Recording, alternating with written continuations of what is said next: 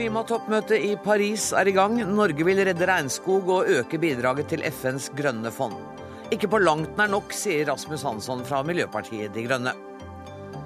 Med 100 000 asylsøkere i året bryter velferdsstaten sammen innen få år, advarer økonomer. Den norske modellen er akutt truet, hevder de. Gjør øl billigere ute og sprit, sprit dyrere hjemme for å få bukt med alkoholismen. Det foreslår Sosialistisk Ungdom. En dårlig og lite gjennomtenkt løsning, svarer Sirus-forsker.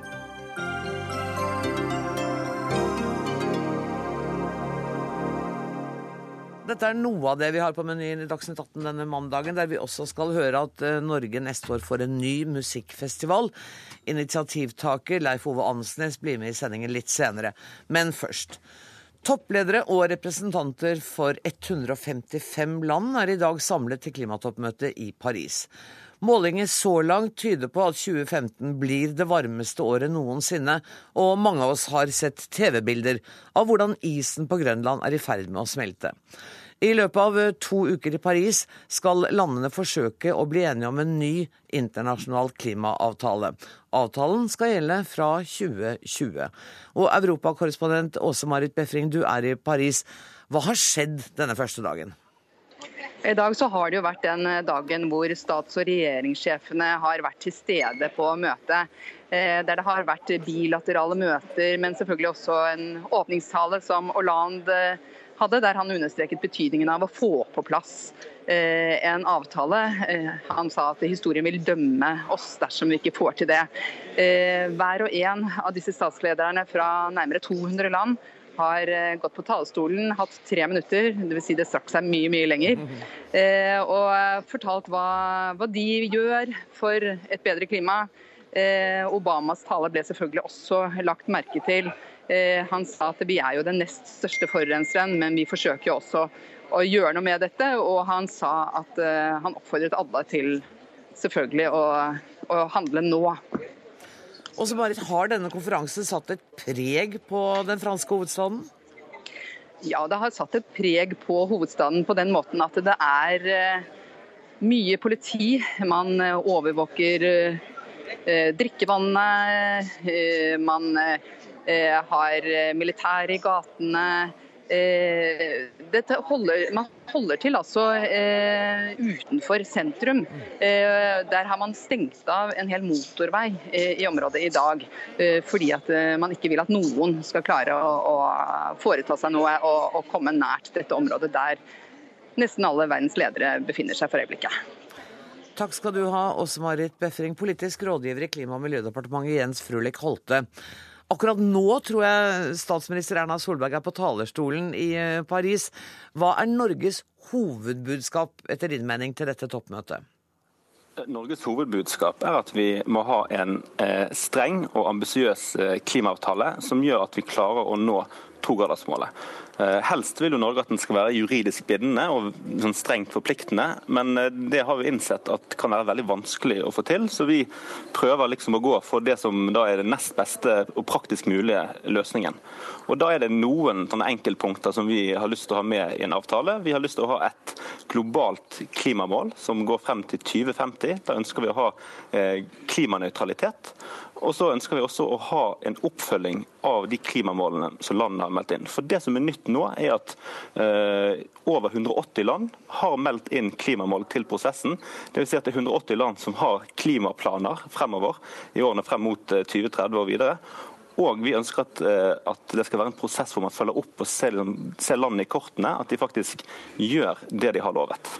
Og så har det kommet noen meldinger i dag om at Norge f.eks. vil bidra med 216 millioner kroner, eller minst 216 millioner kroner, til et nytt fond for kjøp av klimakvoter for, fra utviklingsland etter 2020. Hvorfor vil vi det? Mm.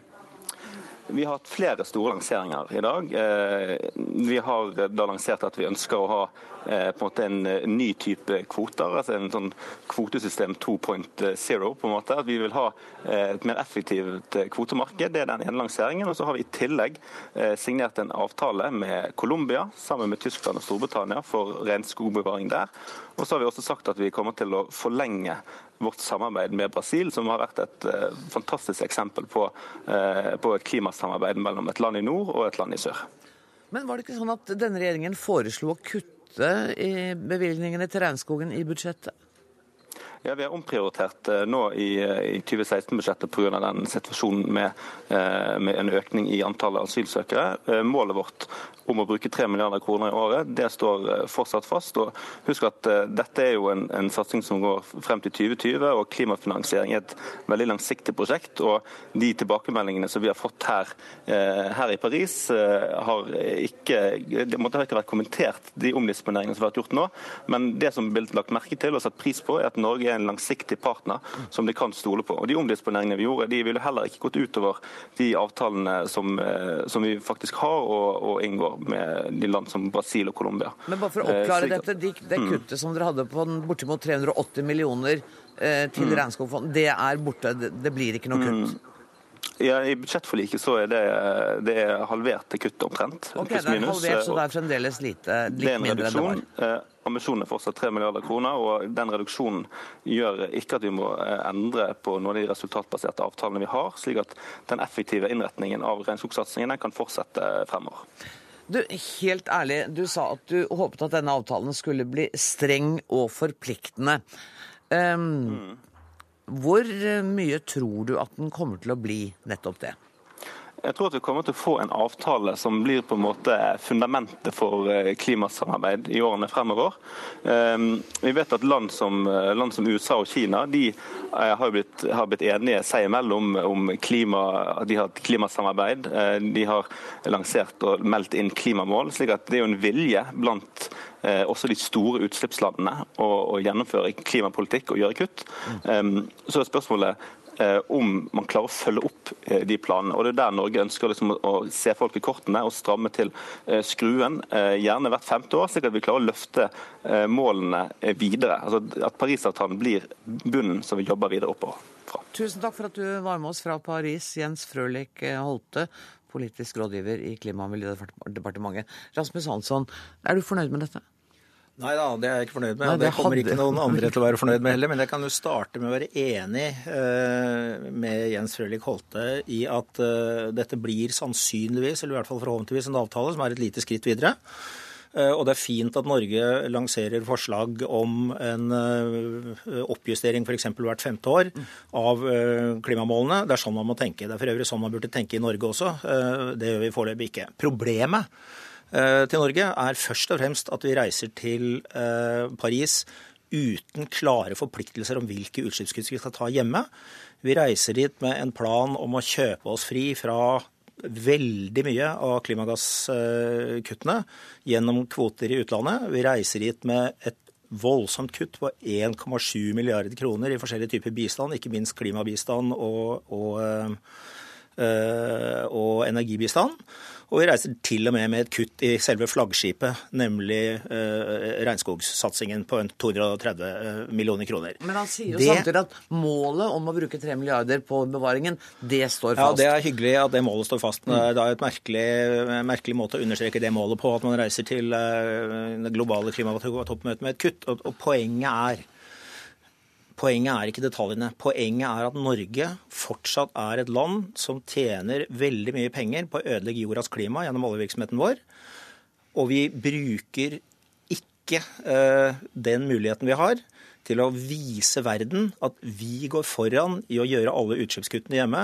Vi går foran i å bruke pengene vi har tjent, på å drive fram en grønn utvikling i de landene som ikke har de pengene. Det er det som trengs aller mest for å skape den tilliten som skal til i Paris. Ja. Om, som kan ligge til grunn for en global avtale. Camilla Skriung, du er politisk rådgiver i Zero. Hva slags avtale tror du dette kan bli? Ehm, jeg har eh, håp om at det kan bli eh, en god avtale, men det avhenger veldig mye av hva vi, Norge som nasjon, kommer med i Paris. Og de eh, lanseringene som har kommet i dag, det er vel og bra. Altså, de kan ehm, de kan øke ambisjonene, det kan skape driv inn i klimaforhandlingene. Men alle de fire lanseringene som Norge har løftet fram i dag, dreier seg egentlig om å bane veien for at Norge fortsatt skal kunne eksportere fossil energi. Du er enig med Hansson i det? Ja, absolutt. Og tjene penger på olje og gass. Fordi vi eh, lanserer tiltak som dreier seg om andre kutt enn de vi tar hjemme. Og det er på tide at vi kan vise veien at vi tar de nasjonale kuttene. Hva burde vi ha gjort? Kan vi du må, være konkret på det? Ja, ja. Vi må satse mer på eh, politiske virkemidler som fremmer fornybar energi her. Det er vel og bra med økt eh, forskning og utvikling. Vi skal doble eh, midlene til fornybar energi, sa vi i dag. Fra 1,1 Um, milliarder til 2,2. Det er vel og bra, men det skal gå da altså til forskning og utvikling og testing. Mm. Vi trenger ikke det. Vi trenger mer midler til å faktisk implementere fornybar energi. For vi har forskning som gjør at vi kan implementere det nå? Ja, det er teknologier som fins. Uh, de kan eh, rulles ut i stor skala. De blir stadig billigere.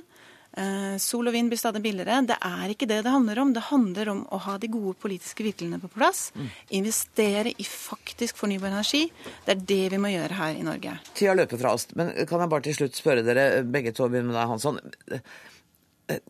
Står vi eh, i fare for at vi får en ny København-avtale, eller manglende avtale? Nei, vi gjør ikke det fordi ambisjonsnivået er eh, senket så mye. Eh, fordi man har lært av København at det er mye mer sjanse for at man kommer i mål. Men det blir en, en avtale som er altfor slapp til at den leverer på det vi må fikse nemlig eh, å kutte klimagassutslippene i verden kraftig. Og da må de landene som forurenser mest og tjener mest på å forurense, gå foran. Og det er Norge, og det gjør vi ikke. Og vet dere hva? Eh, jeg sa tusen takk til Jens Frølich Holte, men han er faktisk fortsatt med oss. Jeg tenker på han er ikke helt enig i det du sa nå. Vær så god, eh, Holte. Nei, jeg henger med her fra Paris. Ja, det er bra, det. Men, ja, det er jo nettopp det vi gjør, med tanke på det Camilla Skirung fra Zero også sa. Altså, vi har jo økt bevilgningene til Klimateknologifondet forsterket det langt utover det klimaforliket tilsier. og Det betyr jo at eh, bedrifter som Hydro Karmøy får til et milliardbeløp i, i støtte for å kunne f.eks. produsere verdens reneste aluminium. Slik at den implementeringen, den bruken av teknologien, den er vi allerede godt i gang med ved hjelp av politiske virkemidler. Eh, og eh, altså, til Rasmus Hansson, altså, når, vi, når vi kommer her, det er, jo, det er jo med de norske klimamålene i bagasjen, hvor vi skal kutte 40% av utslippene innen 2030. Det er det vi har med i bagasjen å, å snakke om. Jo, det skal også skje i Norge at vi skal kutte utslipp. Og Det som, som eh, er liksom betegnende for dette, er at i fjor, i desember, så sa Rasmus Hansson at eh, det er Norges skyld at Lima var en nesten-fiasko. Og Nå står vi ett år senere her så står vi her med over 180 land som har sendt inn sine klimaplaner og er klare til å implementere disse planene. og Det er faktisk ikke en fiasko, det er en fremgang i det, liksom, det globale klimaarbeidet. Så det jeg tror jeg er et veldig godt fundament. Det sitter to mennesker i studio som har veldig lyst til å svare deg nå, Jens Frølich Holte. Det får de ikke lov til. Du fikk siste ordet, og jeg må si takk for at du var med fra Paris. Takk også til Camilla Skrivung og Rasmus Hansson. Dagsnytt 18 alle hverdager klokka 18. På NRK P2 og NRK2.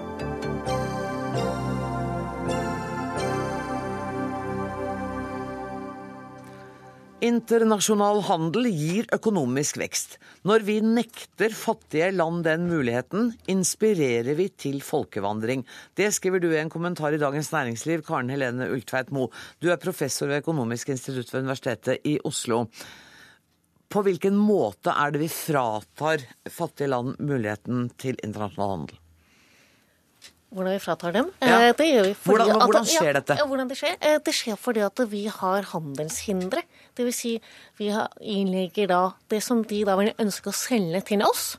Det legger vi toll på. Eller så legger vi såkalt da mer da ikke-tariffere eh, tollsatser på dem. Dvs. Si at vi på en måte gir f.eks. subsidier da, vi gir subsidier f.eks. til landbruket, som da gjør at de da kan konkurrere på en annen måte og sette ned sine priser på en måte som gjør at det da blir vanskelig å konkurrere med dem. Så det handler om at vi da vi forskyver på en måte konkurransen, slik at de ikke får mulighet til å få solgt varene, spesielt varene sine.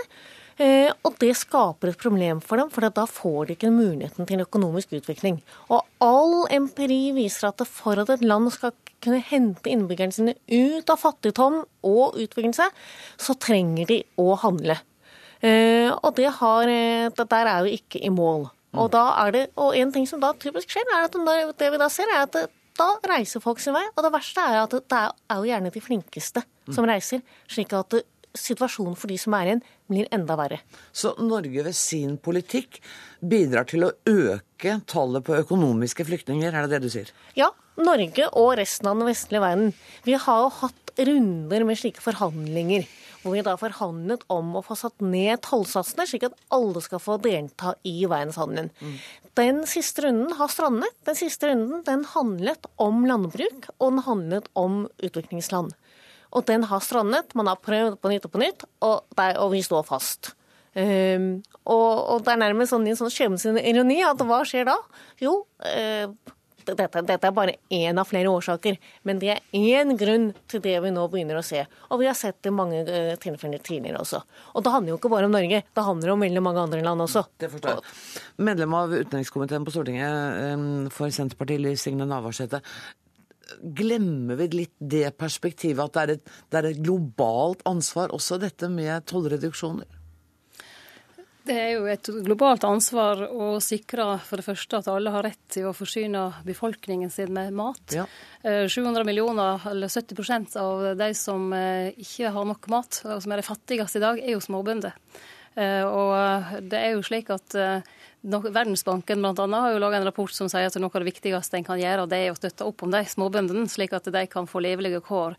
Og En grunn til at Doha-runden ikke har kommet i mål, var jo nettopp at utviklingsland, at India og andre utviklingsland ville beskytte sin egen matproduksjon. Altså, De ville ikke liberalisere eh, fordi at eh, det ville føre til enda mer fattigdom. India har jo en minstepris på, på mat til sine produsenter for å opprettholde en viss eh, grad av inntekt til dem. Og det var jo derfor at hvitjorden falt i fisk. Så vi står jo ikke på lag med utviklingslandene eh, gjennom å liberalisere. Vi står på lag med dem ved å gjøre følgende. Sikre en balanse mellom marked og offentlig sektor. Eh, sikre at eh, de kan bygge opp sin matvareproduksjon. Sikre at de kan bygge opp en industri, slik som vi industriland har gjort etter krigen, og derigjennom bli i stand til å eksportere. For det er jo i dag slik at forsyningssikkerheten er fallende. Eh, verdensmarkedsprisen på mat er fallende, og i en slik situasjon eh, er ikke u-landet i stand til å bli den store eksportøren før de får bygd opp sin egen matproduksjon. Det må de faktisk få lov å beskytte. Og det gjør en ikke gjennom liberalisering, som eh, blir tatt til orde for i, i, Dagens Næringsliv. Men, men, mener du at bistand heller er veien å gå? Gi dem bistand, gi dem mulighet til å utbygge sitt eget næringsliv og egen, sitt eget landbruk? De må først uh, få et landbruk som, som står på beina, uh, mm. og som uh, gjør at de kan være med og eksportere. Og så må vi bli kvitt eksportsubsidiene. Men hvordan skal for, de få det landbruket opp og stå på beina, da, uten bistand? For, for eksempel så, så i Kamerun så falt jo kyllingproduksjonen, som var veldig god der, i fisk, fordi at EU eksporterte frossenkylling og ødelagde markedet. I Ghana skjedde det samme på tomater. I Kenya har en hatt problem, selv om de er et av de landene som har sett på som, som har kommet høyt, litt høyere opp, da. Så de må faktisk få rett til å beskytte sin egen produksjon, til de har faktisk fått en industri som kan eksportere. Og det må ikke skje på utenlandsk kapital sine betingelser, men faktisk på nasjonale ved hjelp av nasjonale styresmakter og ved hjelp av nasjonale produsenter. lokale du, vil, produsenter. Du vil egentlig innføre eh, sånn som jeg skjønner, flere tollbarrierer? Nei, Norge har Disse landene skal få lov å Nei. beskytte sin egen vi hører nå her, Norge har jo eh, tollfrihet fra de 64 fattigste landene i dag. Jo, nå tenkte jeg på at disse landene, at som ja. du foreslår nå, så skal de få lov å beskytte sin egen produksjon. Det bør alle få mulighet til å gjøre, slik at en kan få bygge opp en industri. For hvis ikke de kan få foredla produktene sine og bli en råvareeksportør på en sterkt konkurranseutsatt verdensmarked, der bl.a. EU og USA dumper prisene når det passer seg slik, for de bruker eksportsubsidier til det, så er jo de fattige landene dømt til å tape der. Men Norge har eksport, eh, eller nulltoll til 64 av de fattigste landene. Men likevel importerer vi bare 22% av maten derifra og 67% fra EU. Mm. Så, så, vi har en jobb å gjøre òg sjøl med å faktisk kjøpe varer fra de som må, kan. Må få svare på dette. Ja. Ikke sant? Det er noe Premisset er ikke galt. For det, jeg mener jo Grunnen til at Doha strandet, var bl.a. at India nettopp de ville ha en beskyttelse, og de ville land som USA ikke gi dem. Og, og, og Vesten for øvrig deres. Ja, det er klart at de må de utviklingslandene må få lov til å opprettholde en viss beskyttelse. Men vi i Vesten skal ikke ha den beskyttelsen. Det er det som er problemet. Og vi har åpne markeder for de aller fattigste. Det er definert som da utgangspunktet de som har under 900 dollar per hode i året inntekt. I Norge så er, har vi da 76 000 dollar per hode til sammenligning. Mm. Eh, og så har vi en, en sånn mellomgruppe som vi på, gir noe bedre eh, muligheter til å komme inn, men ikke så mye bedre.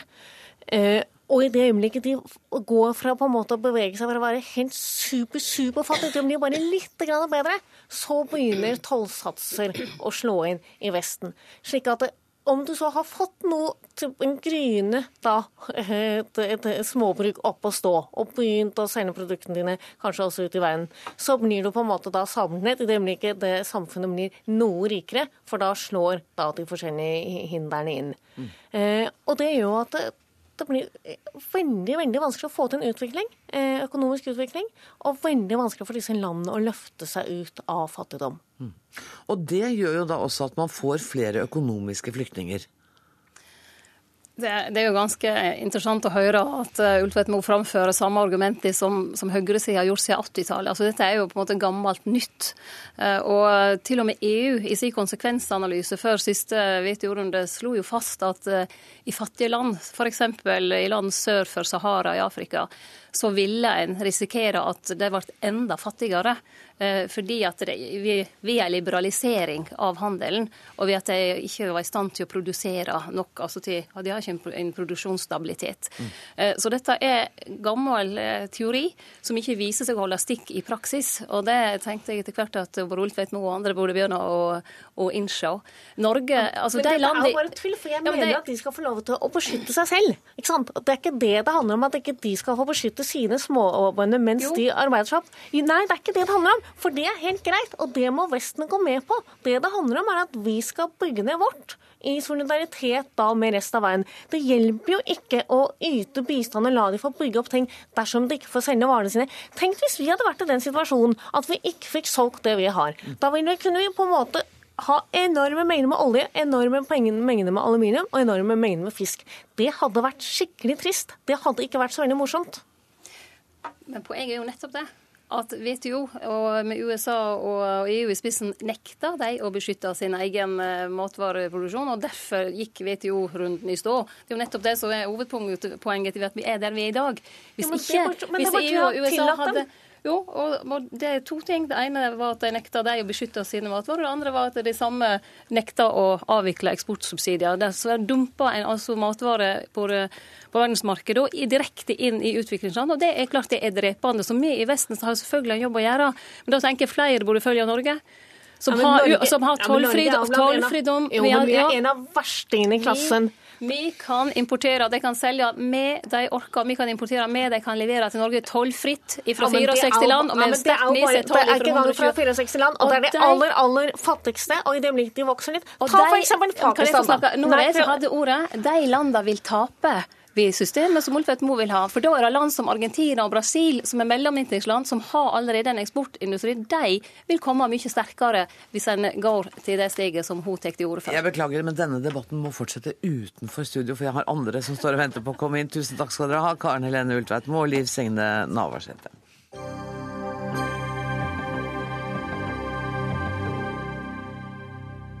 Og vi skal eh, fortsette med et eh, tilnærmet eh, likt tema. Fordi arbeidsinnvandring eller asylinnvandring er spørsmålet. Den norske modellen forsvinner fort hvis vi fortsetter med begge deler, er nemlig neste påstand.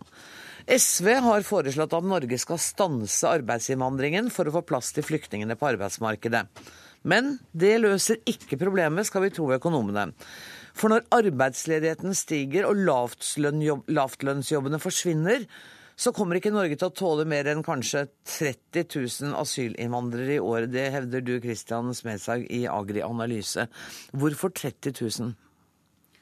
Ja, altså, Tallet vet jeg ikke akkurat om jeg skal gå god for. for okay. det er vel mer prinsippet her som vi har uh, pratet om. altså I en situasjon hvor fri flyt eh, ikke har levert. altså Vi ser EU sliter både med tryggheten, de sliter med lønnsvekst, de sliter med arbeidsledighet. og I Tyskland så har man nå fått et fenomen som man kaller arm trots arbeid. og så Man greier ikke å levere verken sosial trygghet eller lønnsvekst selv om man har jobb. Mm. Eh, og Dette er ikke da helt uh, unikt for Tyskland. Dette skjer i mange andre land også, i tillegg til at de har en høyere grunnarbeidsledighet. Og Så er vi da i en situasjon hvor Norge har tatt imot uh, på korte langtidsopphold fra EØS gjennom EØS-innvandring fra 2004 bortimot 300 000 personer. Og Vi vet at det har presset sysselsettingsgraden i Norge. Og vi vet at vi sliter med å opprettholde lønnsnivå i mange yrker. Og Nå er vi inne i en lavkonjunktur hvor vi skal omstille oss til et uh, mer automatisert næringsliv som også også da går på fornybart osv. Vi får ikke like lett tilgang til pengene som før. Og oppå det, hvor mange tåler vi da å ta inn og samtidig opprettholde den norske arbeidslivsmodellen og et næringsliv som omstiller seg raskt? Det er det store spørsmålet. og Sånn sett så setter jo SV eh, ord på en viktig avveining. Er du enig med det med dette? At vi kan stoppe arbeidsinnvandringen? Altså Utgangspunktet er jo at EØS-avtalen var jo tanken at det skulle være fri flyt, ikke en enveiskjøring. Det skulle være begge veier. Og så var det en overgangsordning eh, på en fire-fem år på eh, de østlige EØS-landene for at man da skulle ha en eh, mer jevnbyrdighet når den fri flyten begynte, så man skulle unngå nettopp den enveiskjøringen. Mm. Og så har vi fått den enveiskjøringen likevel, så forutsetningen for den fri flyten den er ikke sånn som den var tenkt, og sånn som vi var forespeilet. Og hvis den ikke er det, så er det naturlig å ta grep og gå gjennom og se om dette faktisk fungerer sånn som det var tenkt, og det tror jeg vel på mange måter ikke gjør. Men la oss si si at Norge eh, Man har skissert flere muligheter for antall eh, flyktninger og asylsøkere i løpet av et år. Kanskje det blir 100 000. Skisser for meg hva du mener kommer til å skje da.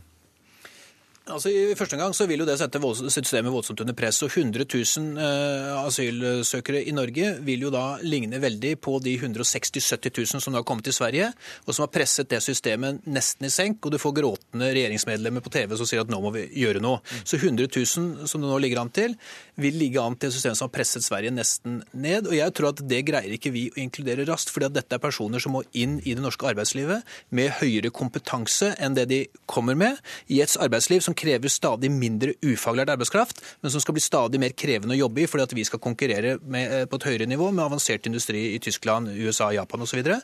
så jeg tror at vi får store utfordringer med det. Så jeg tror vi må finne et nivå som gjør at disse kan bli skikkelig integrert, og det må vi ta en åpen og ærlig debatt på. Roger Bjørnstad, du er sjeføkonom i Samfunnsøkonomisk analyse. Er velferdsstaten under et press her nå? Ja, Det er klart det er det. fordi eh, det er som eh, Smedshaug sier, at eh, det norske arbeidslivet har i utgangspunktet ikke behov for så mye arbeidskraft med den kompetansen vi snakker om nå. Og da, hvis de blir sluppet løs på det norske arbeidsmarkedet, så skjer det mekanismer som likevel gjør at de får seg jobb. Og det, de mekanismene de er på mange måter uønskede. Hva slags mekanismer det er for det første at de presser ned lønnsnivået i de bransjene hvor de konkurrerer. Og for det andre så vil bedriftene unngå å investere i teknologi teknologi og framtidsrettet eh, næringsliv. Eh, og isteden ansette folk til å gjøre jobbene.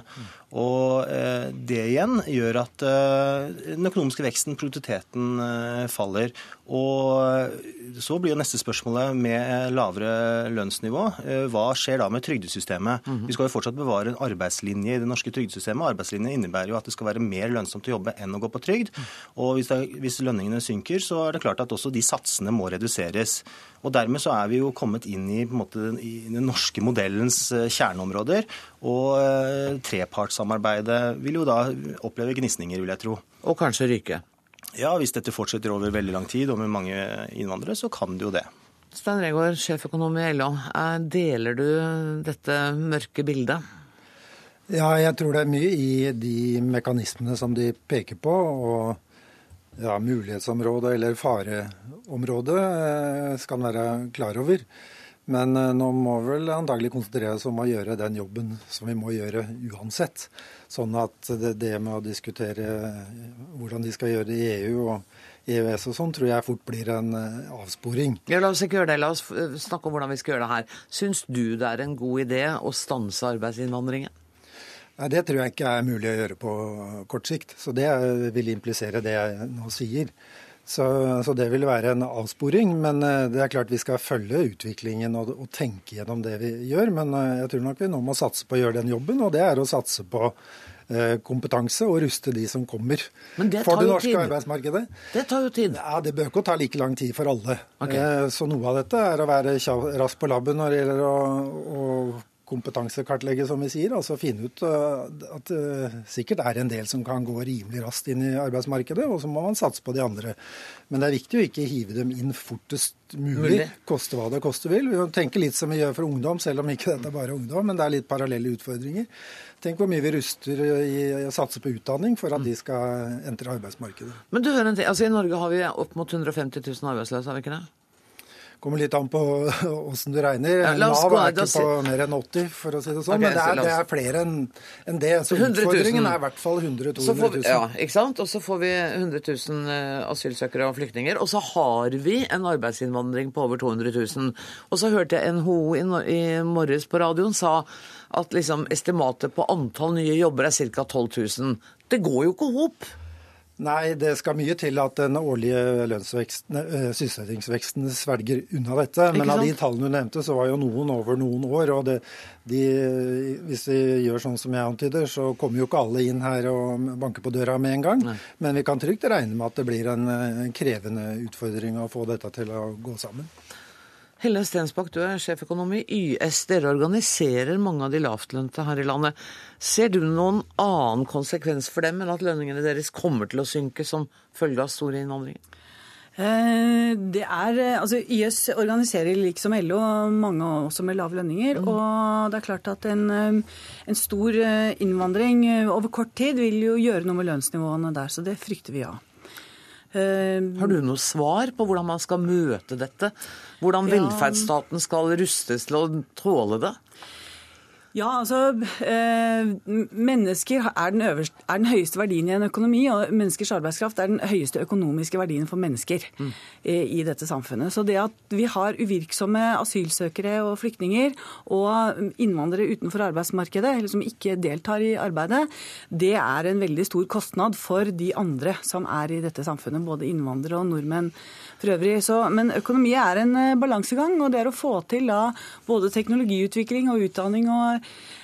disse her bølgene på havet, som et, eh, et samfunn er. Og det må vi gjøre. Nå må vi være ekstra gode til det. Vi må få de nye inn i folden. Det er veldig veldig viktig. Hvordan gjør man det? Vær litt konkret. Hvordan får vi de nye inn i folden? Ja, det som vi bør gjøre nå, er kanskje å ta det der gode norske dugnaden. Jeg vet at, at man på Universitetet i, i, Oslo i morgen så skal man begynne da å se på hva er det Universitetet i Oslo kan gjøre for de som kommer hit og som har en, en ikke fullført utdanning. Kan de fortsette på universitetet? Nå skal de rent praktisk begynne å se hvordan de kan få til det. Denne typen dugnad bør mange bedrifter og mange institusjoner i Norge gjøre. Også offentlige i kommunene bør man se litt på dette. Fordi det er veldig, veldig viktig at disse menneskene som kommer, kommer inn i en eller annen aktivitet. Og jeg tror anbefalingen fra Brochmann-utvalget, som gikk på de aktivitetsbaserte ytelser, det er enda viktigere nå. Og, og, det er viktig at det går raskt. Spenslag, er du enig i det? Flere dugnader, flere tiltak for å få de som kommer inn i folden fort? Selvfølgelig, jeg tror ingen er uenig i det. Jeg tror dette egentlig dreier seg om en, en, enkel ting. Altså hva er, eh, skal vi si, eh, evnen til å absorbere disse i et arbeidsmarked som nå går inn i en lavkonjunktur, som ser ut som, og den skal omstilles. Og den kommer til å kreve ganske høykompetanse for å være med og konkurrere om framtidas avanserte industri. Og det er i den framtidas avanserte industri vi må være hvis vi skal greie å opprettholde velstanden og den velferdsstaten vi har, og det lønnsnivået som, som Bjørnstad da refererte til i stad. Og, og, da trenger vi å være ganske ærlige og prøve å se litt på hva gjorde vi tidligere. Jo, vi skrev ofte ganske presist presise stortingsmeldinger. Disse tingene Vi prøvde å beregne det, vi prøvde å sette litt ord på det. og Se hva er absorpsjonsevnen per år. Mm. Se det i forhold til vårt eget kull og i forhold til de andre. For ingen er tjent med, verken de som kommer eller de som er her, at ikke vi greier den jobben her. Og at ikke vi greier å ta vare på den norske modellen, som jo innebærer små forskjeller på lønn, det innebærer sosial mobilitet og et omstillingsdyktig næringsliv. Men har vi slutta å skrive sånne stortingsmeldinger, da? Jeg oppfatter at vi er mye mindre presise, mye mindre konkrete på disse tingene nå enn vi var hvis vi går tilbake på 70-tallet og leser stortingsmelding for eksempel petroleumsmeldingen 374, som jeg nå gjerne vil anbefale, den er ganske presis og god på denne type ting. Som folkelesning ja. for interesserte personer som gjerne vil være med og tenke hvordan skapte vi dette samfunnet, hvordan skal vi vedlikeholde det videre. Jeg tror mange ute er interessert i det, og jeg tror det er den dugnadsånden som mange tenker på. Hvordan skal vi ta vare på den norske modellen og noe av det ypperste som er skapt av sosial struktur sånn historisk. Det er mange som er opptatt av den nordiske modellen, har mye fokus internasjonalt. Så det blir viktig at vi greier å sikre den. Men Bjørnstad, er det helt sikkert at den norske modellen er det vi skal satse på å beholde for enhver pris? Altså Det føler jeg er et ikke-tema. I hvert fall i norske debatten så hylles jo den av samtlige. Men det kan jeg også si at det gjøres jo også i internasjonal faglitteratur. Det har, det har mye positive resultater å vise til. Eh, men det som blir hovedspørsmålet nå framover, er i hvilken grad skal vi beskytte norske lønns- og arbeidsvilkår? Altså Skal vi på den ene siden eh, jenke oss og få innvandrere og flyktninger inn i arbeid og integrere dem gjennom arbeidsmarkedet? Eller skal vi opprettholde liksom, modellen og, og de norske lønns- og arbeidsvilkårene? Hva syns du? Nei, altså Det er helt opplagt at uh, i internasjonal rett og, og arbeidsrett og, uh, så er det jo legitimt å beskytte de nasjonale lønns- og arbeidsvilkårene. Uh, det, det, andre det kalles jo sosial dumping. og alle land beskytter seg jo mot dette. og I de aller aller fleste land så har man minimumslønninger som gjør dette. I Norge har vi tariffavtaler, og vi har mulighet til å allmenngjøre tariffavtaler. Så Men da åpner jo... du for det svarte markedet òg, samtidig gjør du ikke det? Jo, altså det, Vi klarer ikke å regulere oss helt ut av disse problemene. Eh, men det nye spørsmålet da er Flyktninger er jo én ting, de kommer jo hit av helt andre årsaker enn arbeid, eh, kanskje. Men eh, arbeidsinnvandrerne blir jo da spørsmålet Hvis det ikke er mulig å få seg jobb til lavere lønn enn det, og lavere da kompetanse enn det nordmenn har, nordmenn har, Vil arbeidsinnvandringen fortsette, eller vil de gå her og prøve seg på svart arbeid og gjennom bemanningsbyråer eller hva det måtte være? Det er en utfordring som dere, både dere LO og dere YS må være opptatt av, Regård?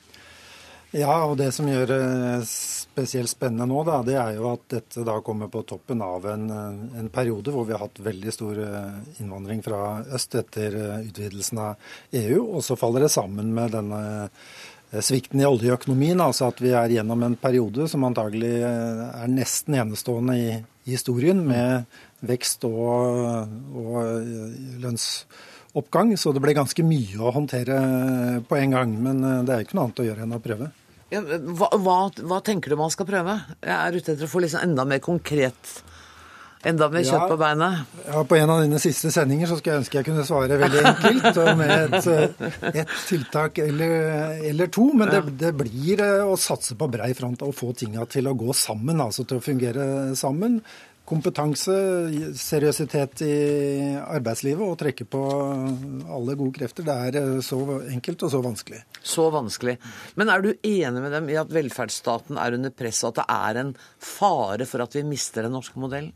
Ja, altså Roger har jo akkurat uh, eh, forska fram en del resultater som viser at det begynner å bli litt strekk og litt sprekker i lønnsdannelsen, hvis en kan bruke det uttrykket. Så vi er allerede litt ute å, kjøre. Mm. Eh, men vi kan kanskje trekke med oss noen lærdommer og erfaringer. Da. Og det som er viktig, er at eh, vi veit jo ikke helt hvor stort det blir, men jeg er ganske sikker på at det er stor fare for at en del av innsatsene blir for puslete. Mm. Altså det er så gjennomarbeida, disse budsjettene og det som gjøres, at det fort blir litt lite. Litt for lite. Stensbakk, du var jo den som kom her med konkrete ideer til dugnader, og at næringslivet og universiteter og høyskoler må gjøre det. Eh, hvor stor påvirkningskraft har du til å få dette igjennom? Nei, jeg, Ved å sitte her håper jeg kanskje at det har litt påvirkningskraft, men, men, men, jeg mener altså at den norske modellen, den er verneverdig. Mm. Hvis det er noe som er verneverdig av økonomiske systemer, så er det den. Og det må vi passe på. Jeg syns det var et godt forslag fra, fra sidemannen her om å kanskje ta den der grundige beregningen mm. eh, og, og, og, gjøre den litt kjølig nå framover med tall og se litt på dimensjonene. For det er klart det er et eh, spørsmål om dimensjoner. Og Men etter altså, dette så kommer alle til å sørge for at de leser petroleumsmeldinga fra 1973. Jeg gleder meg allerede, kjenner jeg. Tusen takk for at uh, dere kom, alle sammen. Takk skal dere ha. Hør Dagsnytt 18 når du vil. Radio nrk.no.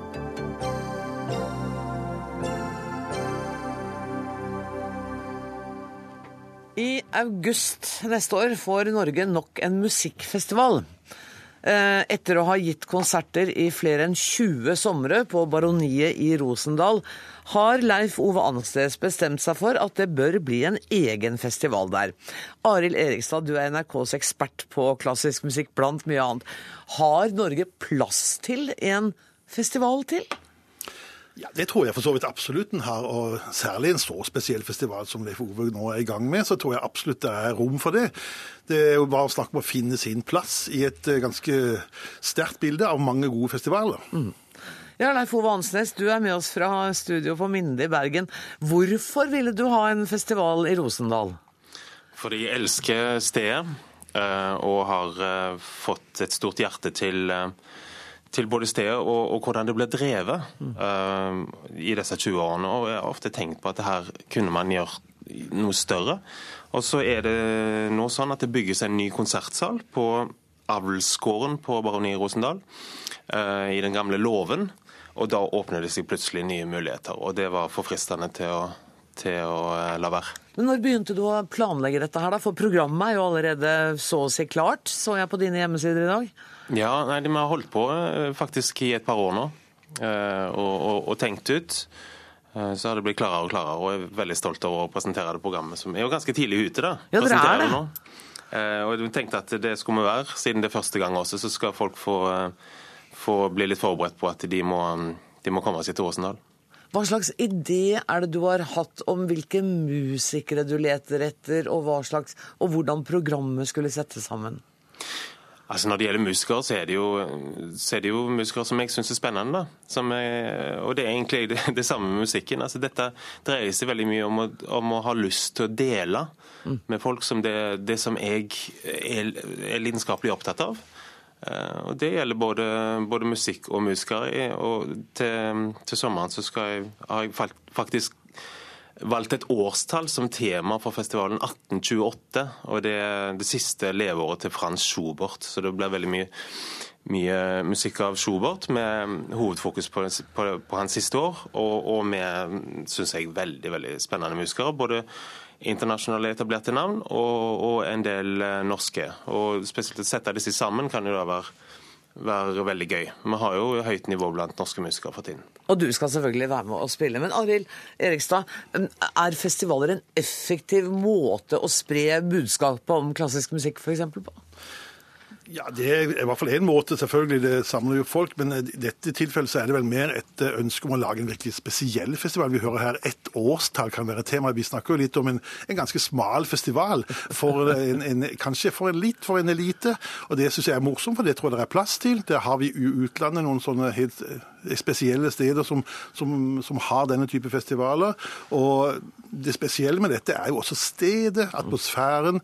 Og jeg vil tro at for publikum så blir det jo viktig å prøve å være til stede over en, disse dagene. Ikke bare, altså en, større, en, festival i en større by blir annerledes, for det blir jo, du går på konsert, men så, så treffer man kanskje ikke de andre publikummene så ofte mellom konsert. Men det har jo en mulighet til i Rosendal. Her kan man være sammen, rett og slett, fra ja, 11. til 14. Sånn, august? Sånn, hvis man har vært i f.eks. i Verbier, det har sikkert Leif Ove vært flere ganger, så er det litt sånn, det føles at du er på festival hele tiden. Det er som å være på en camp. Ja. Mm.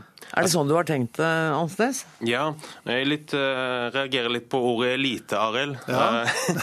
altså, det visste jeg. Jeg vil, at, jeg vil at programmet skal være uh, veldig eksklusivt, men vi skal være en inkluderende festival. Ja, Det tror jeg det blir også. Uh, det, og, det, og, det, tror jeg man vil, man vil føle når man er der. Altså, det, og det har noe med stedet å gjøre. Og, og jeg syns jo også programmene er, er inkluderende, men jeg, for meg er det ikke interessant å lage sånne litt sånn uh, hummer-kanari-programmer. Jeg, jeg har lyst til å lage noe på øverste hylle, og det tror jeg veldig mange vil være interessert i å høre. Også de som kanskje ikke um, foreløpig har foten helt innenfor den klassiske musikken. Jeg tror måten å få de inn på, er jo nemlig å ha Um, helt topp programmer. Um, og, og, da får de store opplevelser og får lyst til å komme tilbake. Jeg syns det høres litt gøy ut av dem å være på camp i tre dager. ja. det, det, jeg tror kanskje man må tenke på det. Ja, det hvor mange rom har man til rådighet ja, i Rosendal? Har du tenkt av det, Leif Ove, at det er liksom på en måte de samme publikummerne som kommer på konsert etter konsert i tre dager? Ja, men det er jo en del av festivalstemningen. Altså det, har vært et mål å få en del publikum som, som skal være der i, uh, i, fire dager. Nå er jo dette en ganske kompakt festival festival. Det, og det har vært meningen at det, skulle ikke være lenger enn en lang helg. Det begynner på en torsdag, slutter på, slutter på en søndag. Sju programmer. Um, og, og, da håper vi jo at folk vil være der de fire dagene. Mm. Uh, selvsagt kommer det også folk til én eller to konserter. De kommer gjerne fra Bergen, Stavanger og, og, og selvsagt i nærområdet, i Kvinnherad. Uh, men det, det er gøy å ha folk som er der hele tiden. For det er jo det som er å være på festival. Det er gøy å ha folk rundt seg, rett og slett? Og jeg tror jo også dette vil være en festival som absolutt vil tiltrekke seg et internasjonalt publikum. Eh, for Leif Oves navn, eh, det, det er interessant. Og det, det, gjør jo at denne festivalen kanskje blir sånn sett mer internasjonal enn de andre festivalene vi har. Skal du dit, Arild? Jeg skal faktisk det. Jeg har, eh, jeg har faktisk også fått et rom her. Så jeg var tidlig ute, for nå tror jeg det er vanskelig. Ja, ja jeg får ta med meg telt, jeg da. Men tu, tusen takk for at dere kom til Dagsnytt 18 begge to. Leif Ove Ansnes, og lykke til med festivalen neste år, og til, også til Arild Erikstad.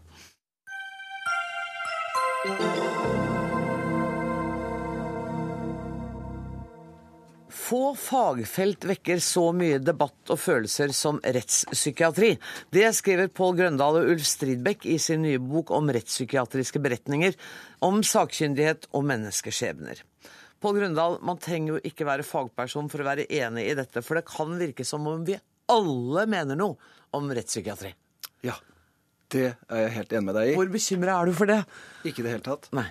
Jeg syns at folk skal ytre sine meninger. Men det kommer litt an på med hvilket grunnlag du har. For det jeg erfarte under 22.07-saken, det var jo at veldig mange som jeg ikke syns hadde så veldig mye rede på dette, mente plutselig veldig mye. Og så er de forsvunnet. Mm. Nettopp. For da, det var i den stemningen som var da, så var det liksom litt sånn rom for at vi alle kunne mene noe, og mene noe veldig sterkt. Ja. Denne boka gir jo en mye breiere innsikt i hva dette er. Og jeg må si til min overraskelse hvor usedvanlig komplisert dette er. For det er jo ikke en eksakt vitenskap. Nei, og det er det jo egentlig ikke så fryktelig mange vitenskaper som er heller. Men her er det en kombinasjon av mye godt skjønn, tenker jeg, som ligger bak en god sakkyndig vurdering. Og Det er det Ulf Stridbekk og jeg har forsøkt å skrive litt om. da nettopp å belyse rettspsykiatrien på en litt annen måte enn det som er vanlig gjennom tradisjonelle lærebøker. Og vi prøver til og med å få leseren litt aktiv her. Ja, fordi altså, Dette er jo ikke bare en lærebok. Den er jo faktisk Jeg ble litt redd da jeg begynte. Ja, det skjønner jeg godt. Men, men den er for meg også fordi dere beskriver et tilfelle. Mm. Og midt inni der så står det når du har lest så langt, kan du kanskje deg selv gjøre opp deg noen meninger. Ja. Og da merker jeg at det gjorde jeg. Da, da, og da var jeg veldig spent på om da ekspertene ville være igjen med meg til slutt. Ja, Fikk du rett, da? Ikke så ofte, dessverre. Nei, okay. For dette er nettopp fordi det er så komplisert. Ja, og vi snakker om mennesker. Og mennesker er jo kompliserte. Mennesker er altså kompliserte å vurdere. Og Det er derfor jeg skrev et eget kapittel om hva kommer det at eksperter vet så mye, og enda så tar de så mye feil. Det er egentlig en tittel eller lånt fra en kollega. Men, men, det er noe av kjernen i dette her. Vi vet mye som eksperter, og vi kan veldig mye. Likevel så tar vi feil. Og Derfor har vi prøvd å problematisere dette lille, men ganske kompliserte fagfeltet inn på en sånn måte at man forstår i hvert fall dilemmaene som både sakkyndige, jurister og observander, altså de vi vurderer, uh, står i. Men du, rettspsykiatri, er det mer rett, holdt jeg på å si, enn psykiatri? Er det mer juss enn det er psykiatri? Altså, Du kan si at rettspsykiatri er et støttefag til jussen. Jeg kaller meg selv uoffisielt for rettspsykolog. Og, og, det jeg definerer det som, er at jeg bruker psykologisk kunnskap i rettspleiens tjeneste. Så, så du kan si at faget er jo på en måte en juss, men vi forvalter den rettspsykiatriske delen av jussen. Fordi domstolene er jo generalister. Mm. Dommerne er generalister. Består også av meddommere som deg og meg kunne det vært. Og da gjelder det at vi eh, skjønner at vi må jo forklare dere, vi som er sakkyndige, vi må forklare dere fagfeltet, slik at dere forstår hva det dreier seg om. Og så er det vi som skal være rådgivere, og så er det retten som bestemmer. Og så hender det jo at det er Ikke bare hender det, ofte så er det uenighet mellom de sakkyndige. Og som du refererte til, 22. juli-saken, så oppnevner man to. Hvor bekymret er du over det? Over at det er en faglig uenighet mellom dere? Jeg er ikke bekymret for det. Jeg tror det er bra at vi er uenige, og jeg tror det er bra at vi kommer med usikkerhet. Jeg tror det er bra at det er uenige, fordi da får retten premissene. ikke sant? Jeg sier A, så sier min kollega B, og så får retten ta stilling til hvem av oss de mener har rett. Og Da fungerer det jo som det skal, for det er jo retten som skal bestemme. Så hvis jeg sier én ting, og en annen sier en annen ting, så får jo retten stille oss de riktige spørsmålene. Hva mener du? Hva mener du? Og så bestemmer retten. Men går det aldri prestisje i det for deg? Selvfølgelig. Ja. jeg er jo ikke laget av plastikk. Men altså, det jeg har erfart både i akademia og i rettspsykiatri, det er at vi er så redd for uenigheten. Mm. Og jeg lurer på hvorfor det? Hvorfor er vi så redd for å ha forskjellige standpunkt? Og det er noe som Ulf Stridebekk og jeg har diskutert en del når vi skrev denne boken. Er det ikke ålreit da at vi diskuterer oss fram til samme konklusjon? For det har jeg begynt å innføre i en del sakkyndige erklæringer. Det er at jeg snakker med observanten, så snakker du med observanten, og så snakker ikke vi to sammen om det. Vi skriver hver vår, hvert vårt inntrykk, og det skal festes ned, og så skal det ikke endres. Og så får vi se ja, er, Vurderer du forskjellig fra meg? Nå leste jo du boken og kom til litt annen konklusjon enn det som ble. Jeg gjorde det, ja. ja. Og så tenker jeg at ja, men da kan det stå. Nettopp. Og så kan vi eventuelt diskutere oss fram til eh, ja, hva er forskjellen? Er det en stor forskjell? Er det en liten forskjell? Men det har jeg erfart at det er det mange medisiner og kolleger som blir redd for. Mm. Det liker de ikke. De er tryggere når man er to. Men, men etter 22. juli-saken så var jo du, kanskje ikke du, men noen av dine kolleger i hvert fall, bekymret for at tilliten til den norske rettspsykiatrien skulle være svekket. Ja, det, det, det kan jeg jo forstå. Men dette var jo en, en, litt rar sak at tilliten skulle forsvinne som dugg for sola. Da. Mm. Fordi man kunne jo heller diskutere de 349 andre sakene som ble gjennomført det året. Men, men, denne ene saken, der var jo det eneste usikkerhetsmomentet i den saken, det var om denne mannen var tilregnelig eller ikke. Mm. Og da ble denne erklæringen belyst så til de grader at akkurat der bekymret meg ikke at rettssikkerheten sto på spill, og at rettspsykiatrien hadde gått fra boere, eller som Egeland skrev, at man har skutt seg selv i hodet. Nei. Men vi kan jo heller diskutere de andre 349 erklæringene. Og i hvert fall så har det vakt interesse hos eh, brede lag av befolkningen. så Rettspsykiatriske beretninger av Pål Grøndal og Ulf Slidbekk anbefales hermed. Tusen takk skal du ha for at du kom til eh, studio. Selv takk.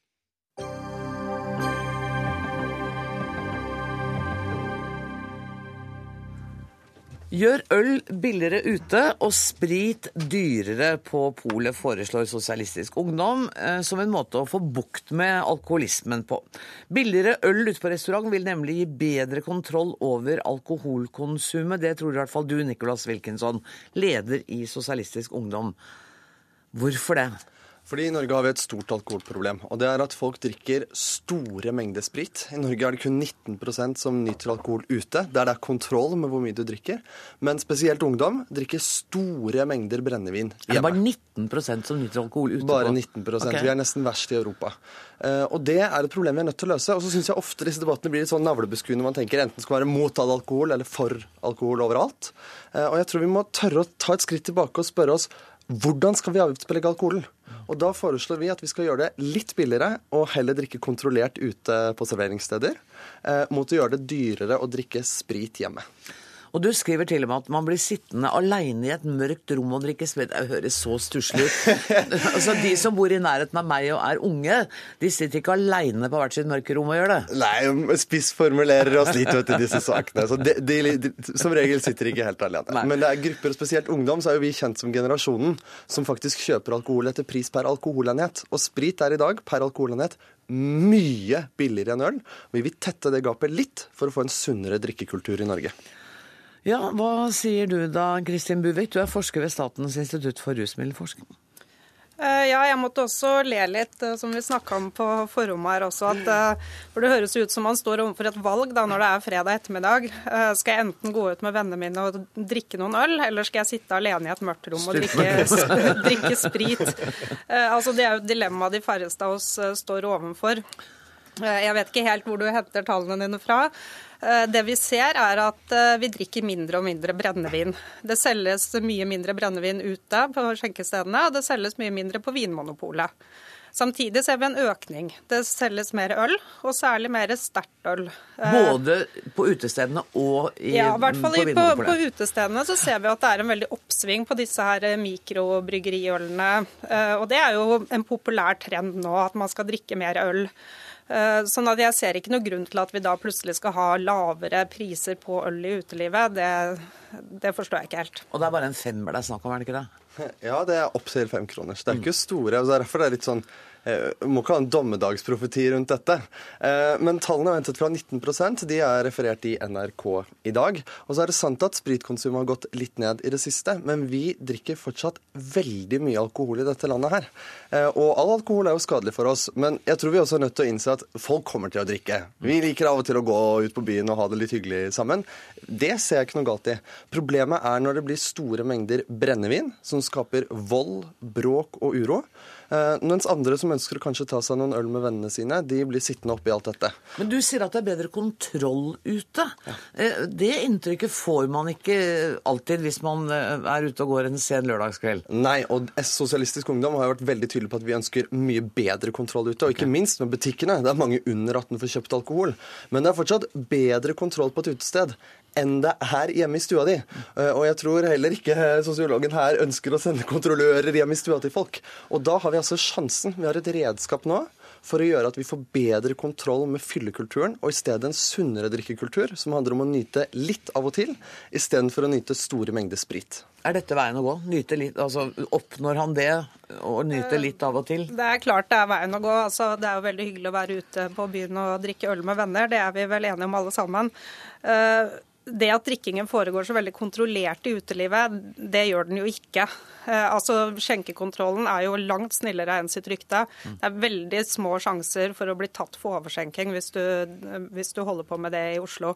Og Vi har jo studert skjenkepraksiser på utesteder i mange år i alle byene i Norge. De store byene, ja. Eh, og Der bruker vi skuespillere som opptrer beruset, og så ser vi om de får kjøpt øl. Og Det får de fire av fem ganger. Eh, altså I 80% av tilfellene får man da kjøpt øl, selv om man fremstår som eh, åpenbart påvirket.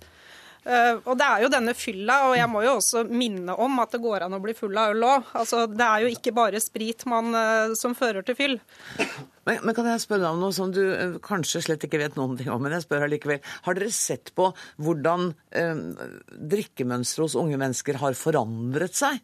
Er det sånn at for 25 år siden så drakk unge mennesker mindre hjemme. Da drakk de alt ute på byen, f.eks.? Ja, Det vet, vet jeg ikke. Altså, eh, vi pleier, De tallene for hvor mye av alkoholkonsumet som foregår på utestedet, der har vi pleid å operere med 15% Jeg er litt usikker på hvor det estimatet kommer fra. og Vi har ikke gode sammenlignbare tall med andre land i Europa der. Eh, vi vet også at eh, man drikker mer per drikkesituasjon hvis man gjør det ute enn man gjør hjemme. Okay. Sånn at Det er jo, eh, det norske drikkemønsteret er jo kjennetegnet av at vi drikker i helgene og til fest. Eh, og ja, det er eh, fortsatt beruselsesprega drikkemønster blant ungdom særlig. Men vi drikker mer ute enn vi gjør hjemme når vi først er ute og drikker. Ja, men Det stemmer ikke, det er feil bruk av statistikk. For når du tar den statistikken, så er det alt vi drikker hjemme hele tiden. Eh, og vi vet at ofte så er det sånn at man tar ett glass vin til middagen, og det drar den statistikken ganske kraftig ned. Men spesielt hvis du ser på ungdom, og hvor mye de drikker på f.eks. vors før de skal ut på byen, så er det store mengder sprit som går ned. Eh, og i forhold til kontroll på byen, så er vi helt enige. Altså, SU har jo krevd mange ganger mye bedre kontroll i uh, utelivsbransjen. Vi er jo selv en rusfri organisasjon. Um, og så krever vi nå en altså styrking av arbeidsmiljøloven, så at det skal være minst to selgere på jobb til enhver tid, som gjør det lettere for dem også å klare å kontrollere det. Men igjen så må jeg si at jeg tror vi må ta et skritt tilbake. For at igjen så blir det veldig mye snakk om det at ja, vi drikker fortsatt mye på byen, og ja, det er problemer med alt. Men fakta er dette. Vi har en usunn drikkekultur. Vi drikker fortsatt for mye sprit selv om det blir bedre. Hvordan skal vi innrette avgiftssystemet vårt? Mm. Vi foreslår å gjøre det dyrere å drikke ukontrollert, og den typen alkohol vi vet påvirker av sterkest, nemlig sprit, må vi gjøre det billigere der det er kontrollert, og med svakere alkoholholdig drikke. Og det håper jeg jo eh, at også sosiologen vil være enig i at hvis vi får til det skiftet, som er intensjonen her, om at folk drikker svakere alkoholholdig drikke med mer kontroll, så vil det være bra for Norge.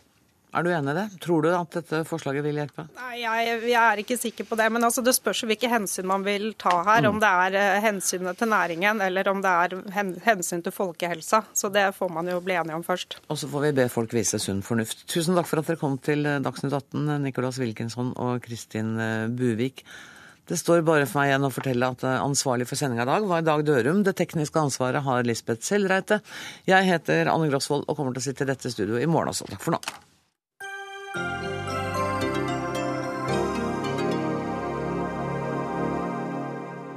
Hør flere podkaster på nrk.no podkast.